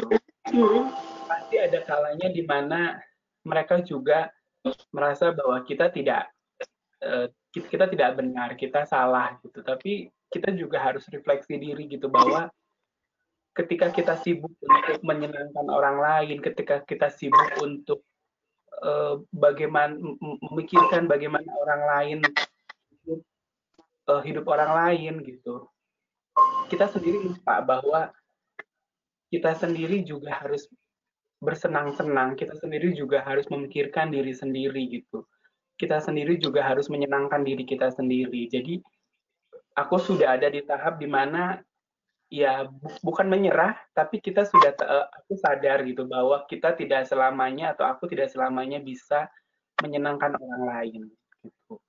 Dengan dengan dengan apa yang sudah aku perbuat, semoga mereka tahu bahwa apa yang aku perbuat adalah kebaikan untuk mereka dan untuk kita semua gitu. Iya, betul.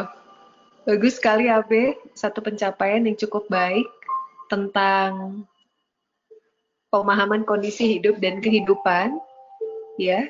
Karena memang karena tadi kita tidak pernah bisa mengontrol dan mengendalikan pikiran orang lain. Yang bisa kita kontrol dan kita kendalikan hanyalah pikiran kita sendiri. Dan satu lagi yang perlu digarisbawahi teman-teman sekalian, manusia itu memang tidak ada pernah puasnya. Jadi satu kali kebaikan kadang yang kita buat pun kadang masih kurang. Kan sempat kadang kan kita kepikiran gini, gue kayaknya udah baik deh sama dia. Kurang apa lagi sih gue? Enggak, enggak kurang. Tapi manusia yang bersangkutan, artinya memang tiap manusia punya sifat itu uh, manusia memang memiliki sifat dasar tidak pernah merasa cukup atau tidak pernah merasa puas. Jadi berapa banyak pun yang kadang kita buat kayaknya nggak cukup aja gitu. Jadi kalau kita udah tahu itu sifat dasar manusia ya udah.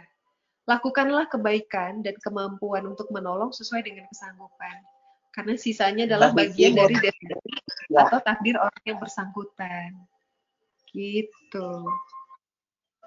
Mbak Vivi mau nanya boleh nggak?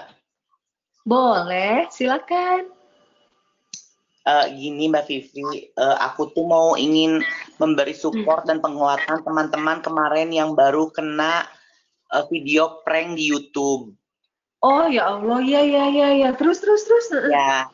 Nah, uh, aku ada salah satu korban yang memang benar-benar dia tuh uh, mentalnya tuh drop Mbak Pipi. Jadi kayak misalkan aku gimana ya caranya untuk memberi support system yang baik gitu loh biar dia tuh sedikit demi sedikit nggak uh, drop lagi mentalnya gitu. Jadi kayak aku minta saran gitu ke ke, ke Mbak Vivi Oke, okay, ya ya.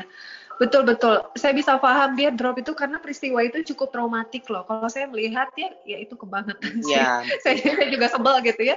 Uh, senetral netralnya saya melihat orang, tapi kalau ada yang kelakuannya kayak gitu sebel gitu ya. Iya. Iya betul. Jadi uh, sebenarnya ini ini ada yang disebut dengan ini uh, eh, PTSD, uh, post traumatic syndrome disorder. Jadi dia akan mengalami trauma sesaat pasca peristiwa yang menyakitkan atau yang membuat secara mental dia drop. Nah, yeah. jadi uh, uh, makanya dalam hal ini kita harus tahu bahwa rata-rata trauma PTSD itu terjadi antara 3 sampai 4 bulan. Biasanya sih seperti itu. Tapi pada beberapa orang kadang-kadang ada juga yang hanya dalam 1 sampai 2 bulan pun dia sudah bisa tenang. Jadi kalau dalam situasi seperti ini adalah yang dibutuhkan oleh teman-teman yang trauma pasca kejadian itu adalah secure feeling. Dia butuh perasaan nyaman dan perasaan aman bahwa dia tidak dilecehkan lagi, dia tidak diperlakukan demikian lagi. Jadi makanya sebenarnya kalau dalam kondisi seperti ini, orang-orang yang mengalami traumatik dia tidak butuh terima banyak nasihat. Karena hmm. uh, orang dalam kondisi traumatik, mentalnya sedang drop, dia berada dalam kondisi kecemasan. Orang cemas tidak bisa mencerna informasi terkait nasihat. Jadi yang dia butuhkan adalah didampingi bahwa dia tidak sendiri.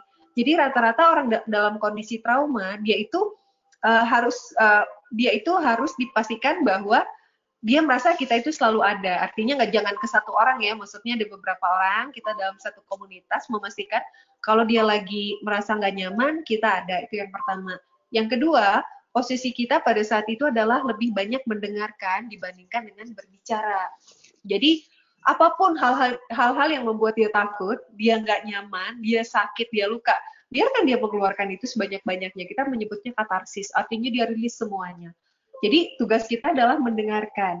Dan pada saat mendengarkan itu cukup dengan tatapan empati dan kalau perlu misalnya pada beberapa teman-teman tadi boleh dipeluk atau misalnya dirangkul untuk memastikan bahwa dia berada dalam keadaan aman saat ini.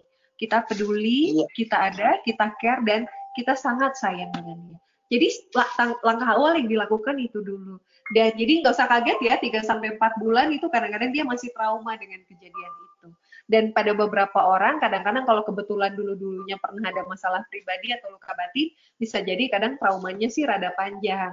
Tapi ada juga tadi yang lebih cepat, kadang-kadang satu bulan pun dia sudah lebih reda traumanya. Jadi kurang lebih informasinya kayak gitu. Hmm, dan masalahnya lagi Mbak dia tuh belum come out ke keluarganya.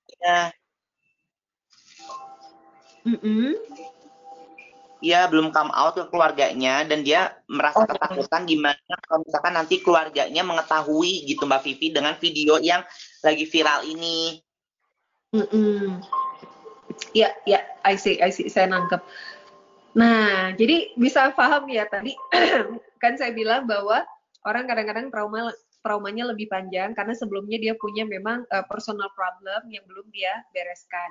Jadi kayak gini, uh, nanti perlu didampingi atau disampaikan kepada dia. Hidup itu adalah sebuah proses. Karena pada satu titik ada hal yang memang harus kita selesaikan. Entah kalau kebetulan seandainya video ini sampai ke keluarganya dan keluarganya melihat, dia harus bisa menerima itu, bahwa itu berarti adalah proses yang memang harus dia selesaikan. Karena peristiwa alam memang seperti itu. Jadi uh, alam tuh selalu bikin momentum atau kejadian-kejadian yang membuat kadang-kadang hal-hal yang kita hindari akhirnya harus kita selesaikan.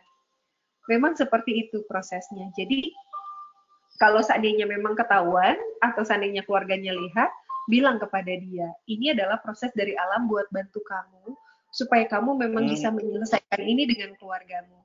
Ada penolakan di awal, mungkin ada protes di awal, ada begini dan begitu, ya sudah, itu bagian dari proses yang wajar. Terima aja, karena memang uh, hampir semua keluarga, maksudnya kalau ada kejadian apa-apa kan pasti reaksinya itu kan emosi dulu, kan gitu. Itu memang sesuatu yang wajar pasti emosi dulu. Tapi pastikan kita yang ada di komunitas memberikan support. Kita selalu ada untuk dia. Karena yang dibutuhkan itu ibaratnya analoginya gini deh, bahu untuk bersandar kalau gue udah nggak kuat lagi buat berdiri gitu. Yang dibutuhkan mereka saat ini adalah seperti itu.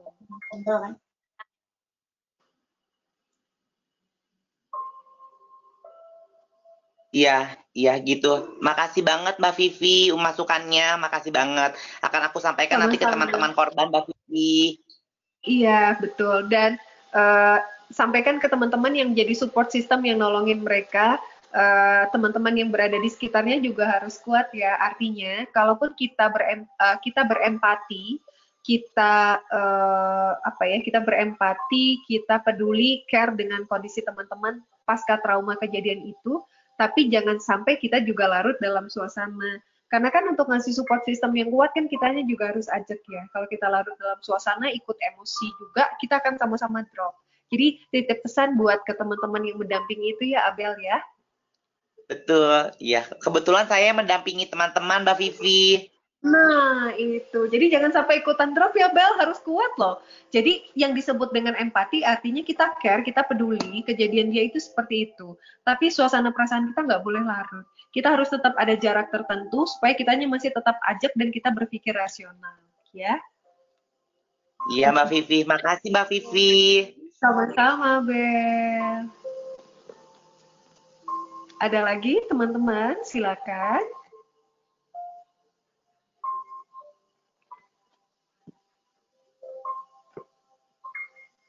Wanda, Momo mungkin. Udah pegang-pegang masker ya Wan ya.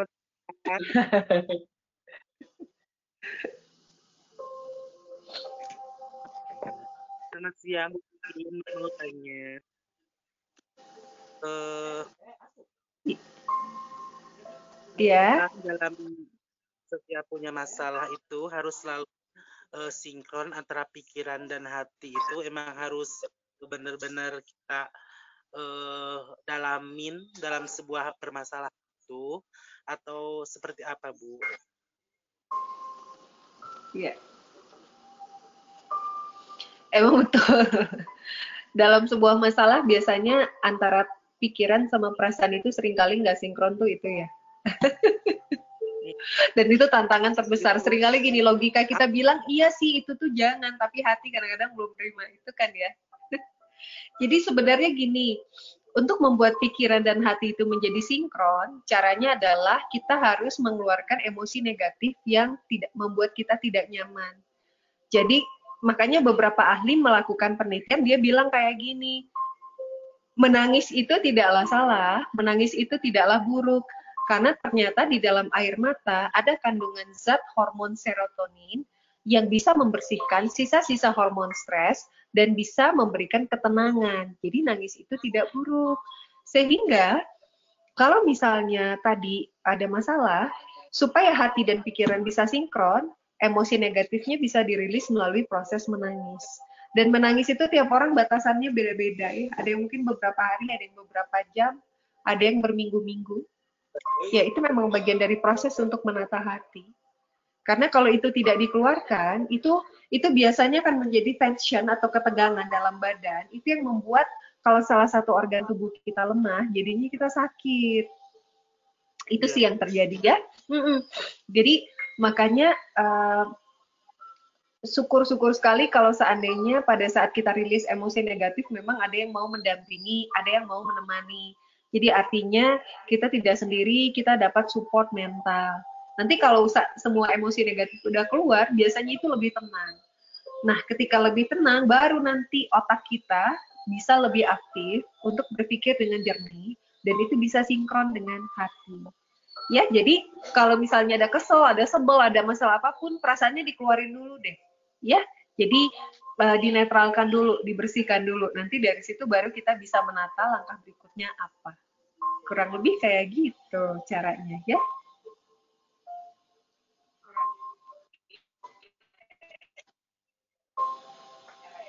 Terima kasih Bu Pipi.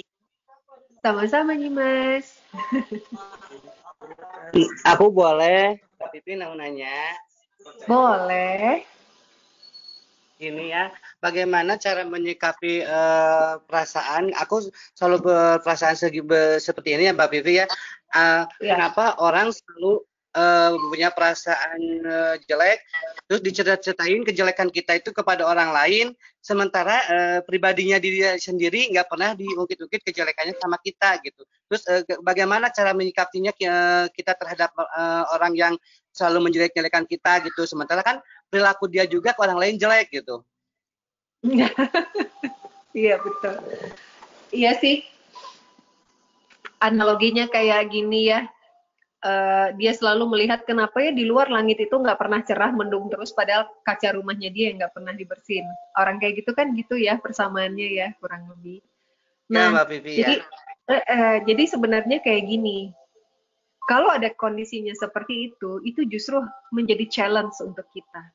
Semakin dia menjelekkan kita, semakin kita tingkatkan kualitas pribadi kita. Karena antara perak dan emas itu nggak akan pernah tertukar meskipun dia berada di dalam lumpur.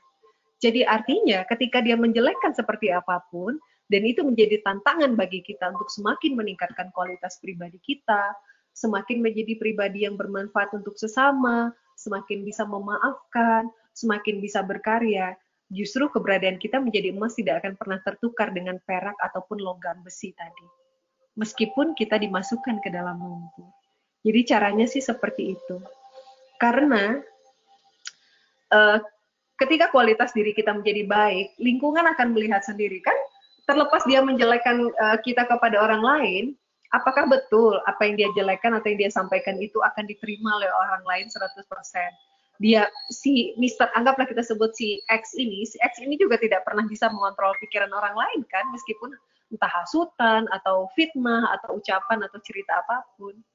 Dia nggak pernah bisa. Tapi ketika orang lain melihat, oh kita anggaplah si A kita dijelekkan oleh si X, tapi orang lain melihat kita, ah ini kayaknya bagus tuh, karyanya bagus, hatinya baik, uh, peduli dengan sesama, kita orang-orang yang uh, menjadi lebih bijaksana, kemudian kita orang-orang yang selalu meningkatkan karya, lingkungan nggak akan pernah uh, mengabaikan hal itu. Terlepas dari ucapan apa pun yang dikatakan oleh orang lain ketika dia menjelekkan tentang kita.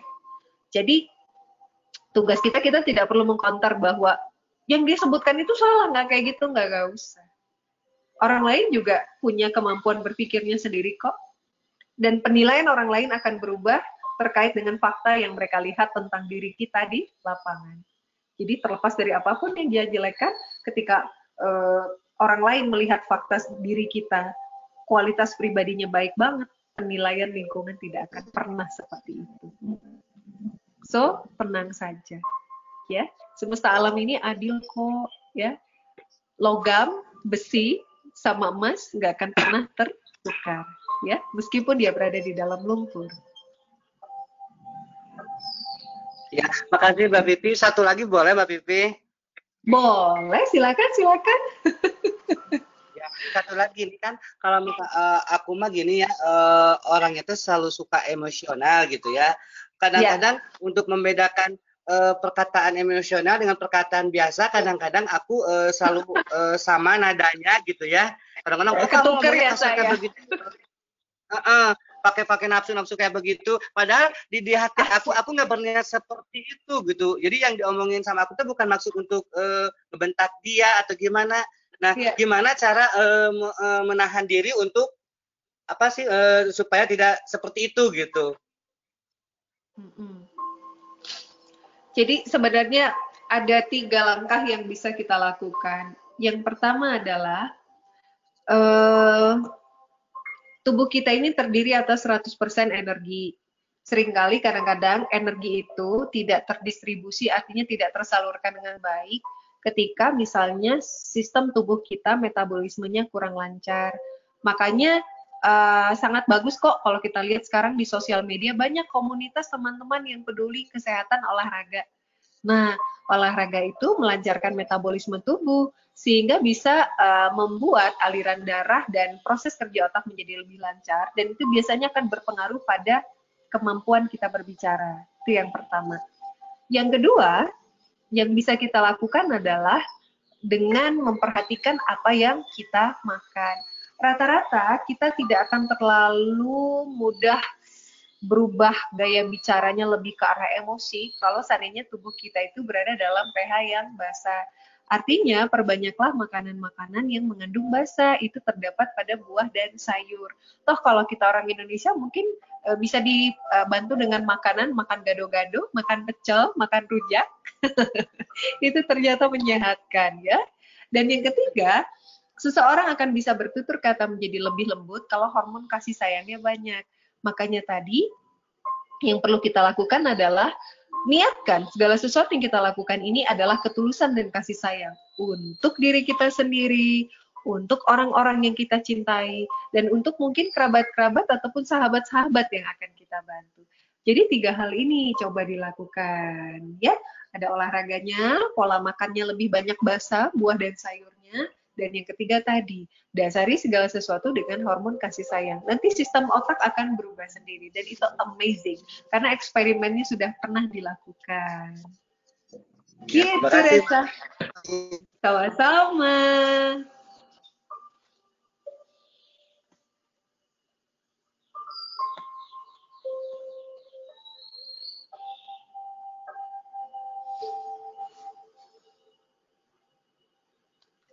Oke, apakah ada lagi?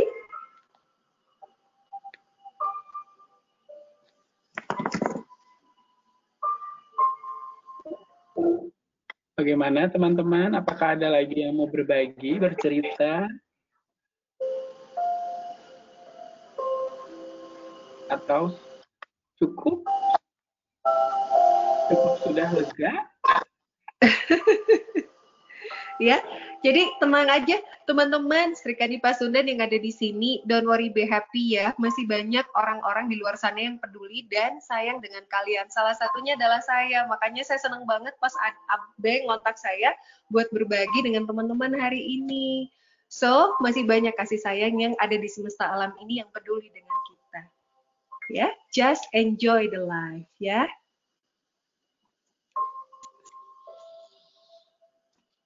Siap, siap, siap. Devin. Sama Ibu, terima kasih besarnya udah uh, bagi uh, saran dan uh, kekuatan demi uh, semua. Kasih sekali lagi terima kasih yang sebesar Iya, sama-sama.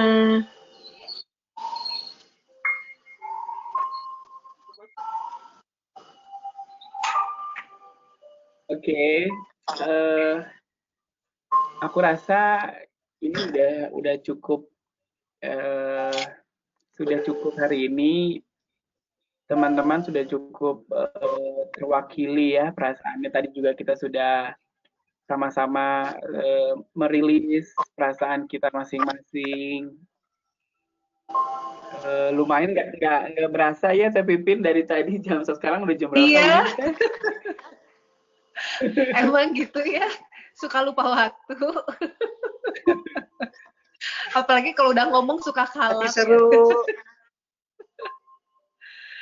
Oke, okay, ya saya senang banget seru. juga sih. Terima kasih ya uh, aku sih pengennya ini akan jadi uh, apa jadi kegiatan atau diskusi yang rutin mungkin satu bulan bisa dua kali ya. gitu uh, bukannya ya. aku berharap bahwa ini tidak uh, situasi pandemik ini tidak uh, maksudnya berlangsung lama ya tapi selama selama selama selama situasi ini berlangsung ya aku aku ingin uh, kita bisa sama-sama menguatkan gitu bukan bukan hanya bukan hanya ditanggung oleh teman-teman uh, teman-teman uh, trans atau teman-teman waria saja gitu kita bisa menanggung ini semua berbarengan bersama-sama uh, aku rasa cukup ya tapi pin ya nanti yeah. Ya. uh, kita akan coba diskusikan lagi kapan waktunya yeah. untuk bisa kembali mm -hmm. lagi bersama-sama seperti ini. Uh, ya seperti tadi ya kata Teh Pipin juga bahwa teman-teman di sini yang ada di sini tidak sendirian, banyak di luar sana, di luar komunitas pun bahkan masyarakat pun kita bisa lihat bahwa uh, kepedulian terhadap teman-teman itu begitu banyak begitu begitu besar gitu ketika ketika ada video kemarin yang uh, tidak mengenakan bukan hanya dari teman-teman komunitas saja yang yang yang ikut merespon tapi banyak masyarakat yang ikut merespon gitu karena ya. masyarakat melihat bukan dari bukan dari uh, bahwa si korban adalah uh, transgender atau waria tapi si korban adalah sama-sama manusia gitu manusia dan dengan manusia yang diperlakukan tidak tidak tidak tidak manusiawi gitu oleh manusia sendiri gitu. Jadi ya aku di sini bisa bisa mengatakan bahwa teman-teman tidak sendirian gitu dan tidak hanya komunitas saja yang yang mensupport dan dan mendukung teman-teman di di luar sana masyarakat pun ikut ikut ikut sama ikut sama-sama saling mendukung. Terima kasih juga buat uh, teman-teman yang tadi udah berbagi, Momo, Reza, Teh Yuyun, Teh Dea, uh, semuanya yang yang yang sudah Abel juga terima kasih atas atas jeripayahnya, atas kekuatannya untuk bisa nemenin uh, korban yang video kemarin itu. Terima kasih teman-teman semuanya untuk bisa hadir hari ini sama-sama berbagi, sama-sama kita saling menulis perasaan kita masing-masing. Terima kasih juga buat Epipin sudah menyempatkan waktunya yang uh, langsung mengiyakan untuk untuk sesi ini.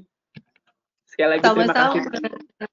Sekali lagi terima kasih teman-teman uh, untuk hari ini. Semoga kita bisa ketemu lagi di lain kesempatan dengan uh, diskusi yang berbeda, diskusi yang memang kita masih ada satu diskusi lagi sebenarnya tentang security system tentang uh, sistem keamanan untuk teman-teman trans atau teman-teman waria.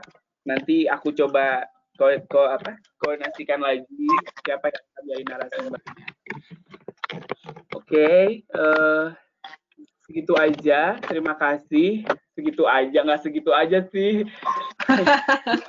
sangat berharga. Oh, segitu aja. gitu aja ya.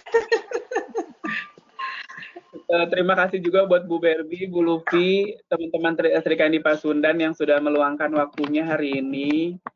Uh, yang masih bekerja, selamat bekerja, tetap jaga kesehatan, uh, jangan putus semangat dan putus harapan. Itu aja, Teh Pipin juga, nuhun, pisan, jaga kesehatan. Oke, sama-sama. Amin, amin.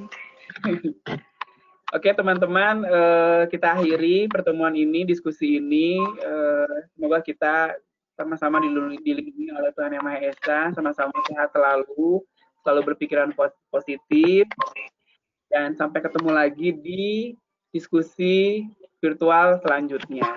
Terima kasih, selamat sore, Assalamualaikum warahmatullahi wabarakatuh. Sore, waalaikumsalam. Oke, dadah semua. Dadah.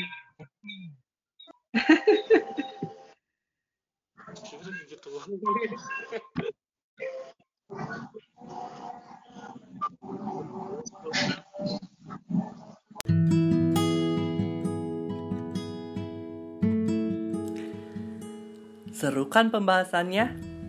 Sebenarnya sih Diskusi ini gak hanya untuk sahabat waria aja. Untuk kita pun hal tersebut perlu banget loh. Gimana teman-teman? Udah merasa lega kan? Emang sih, setiap orang punya satu luka di masa lalu yang belum terselesaikan. Tapi, teman-teman jangan lupa tersenyum dan jaga kesehatan ya. Saya Egot dari Puzzle Indonesia. Sampai bertemu di podcast selanjutnya ya.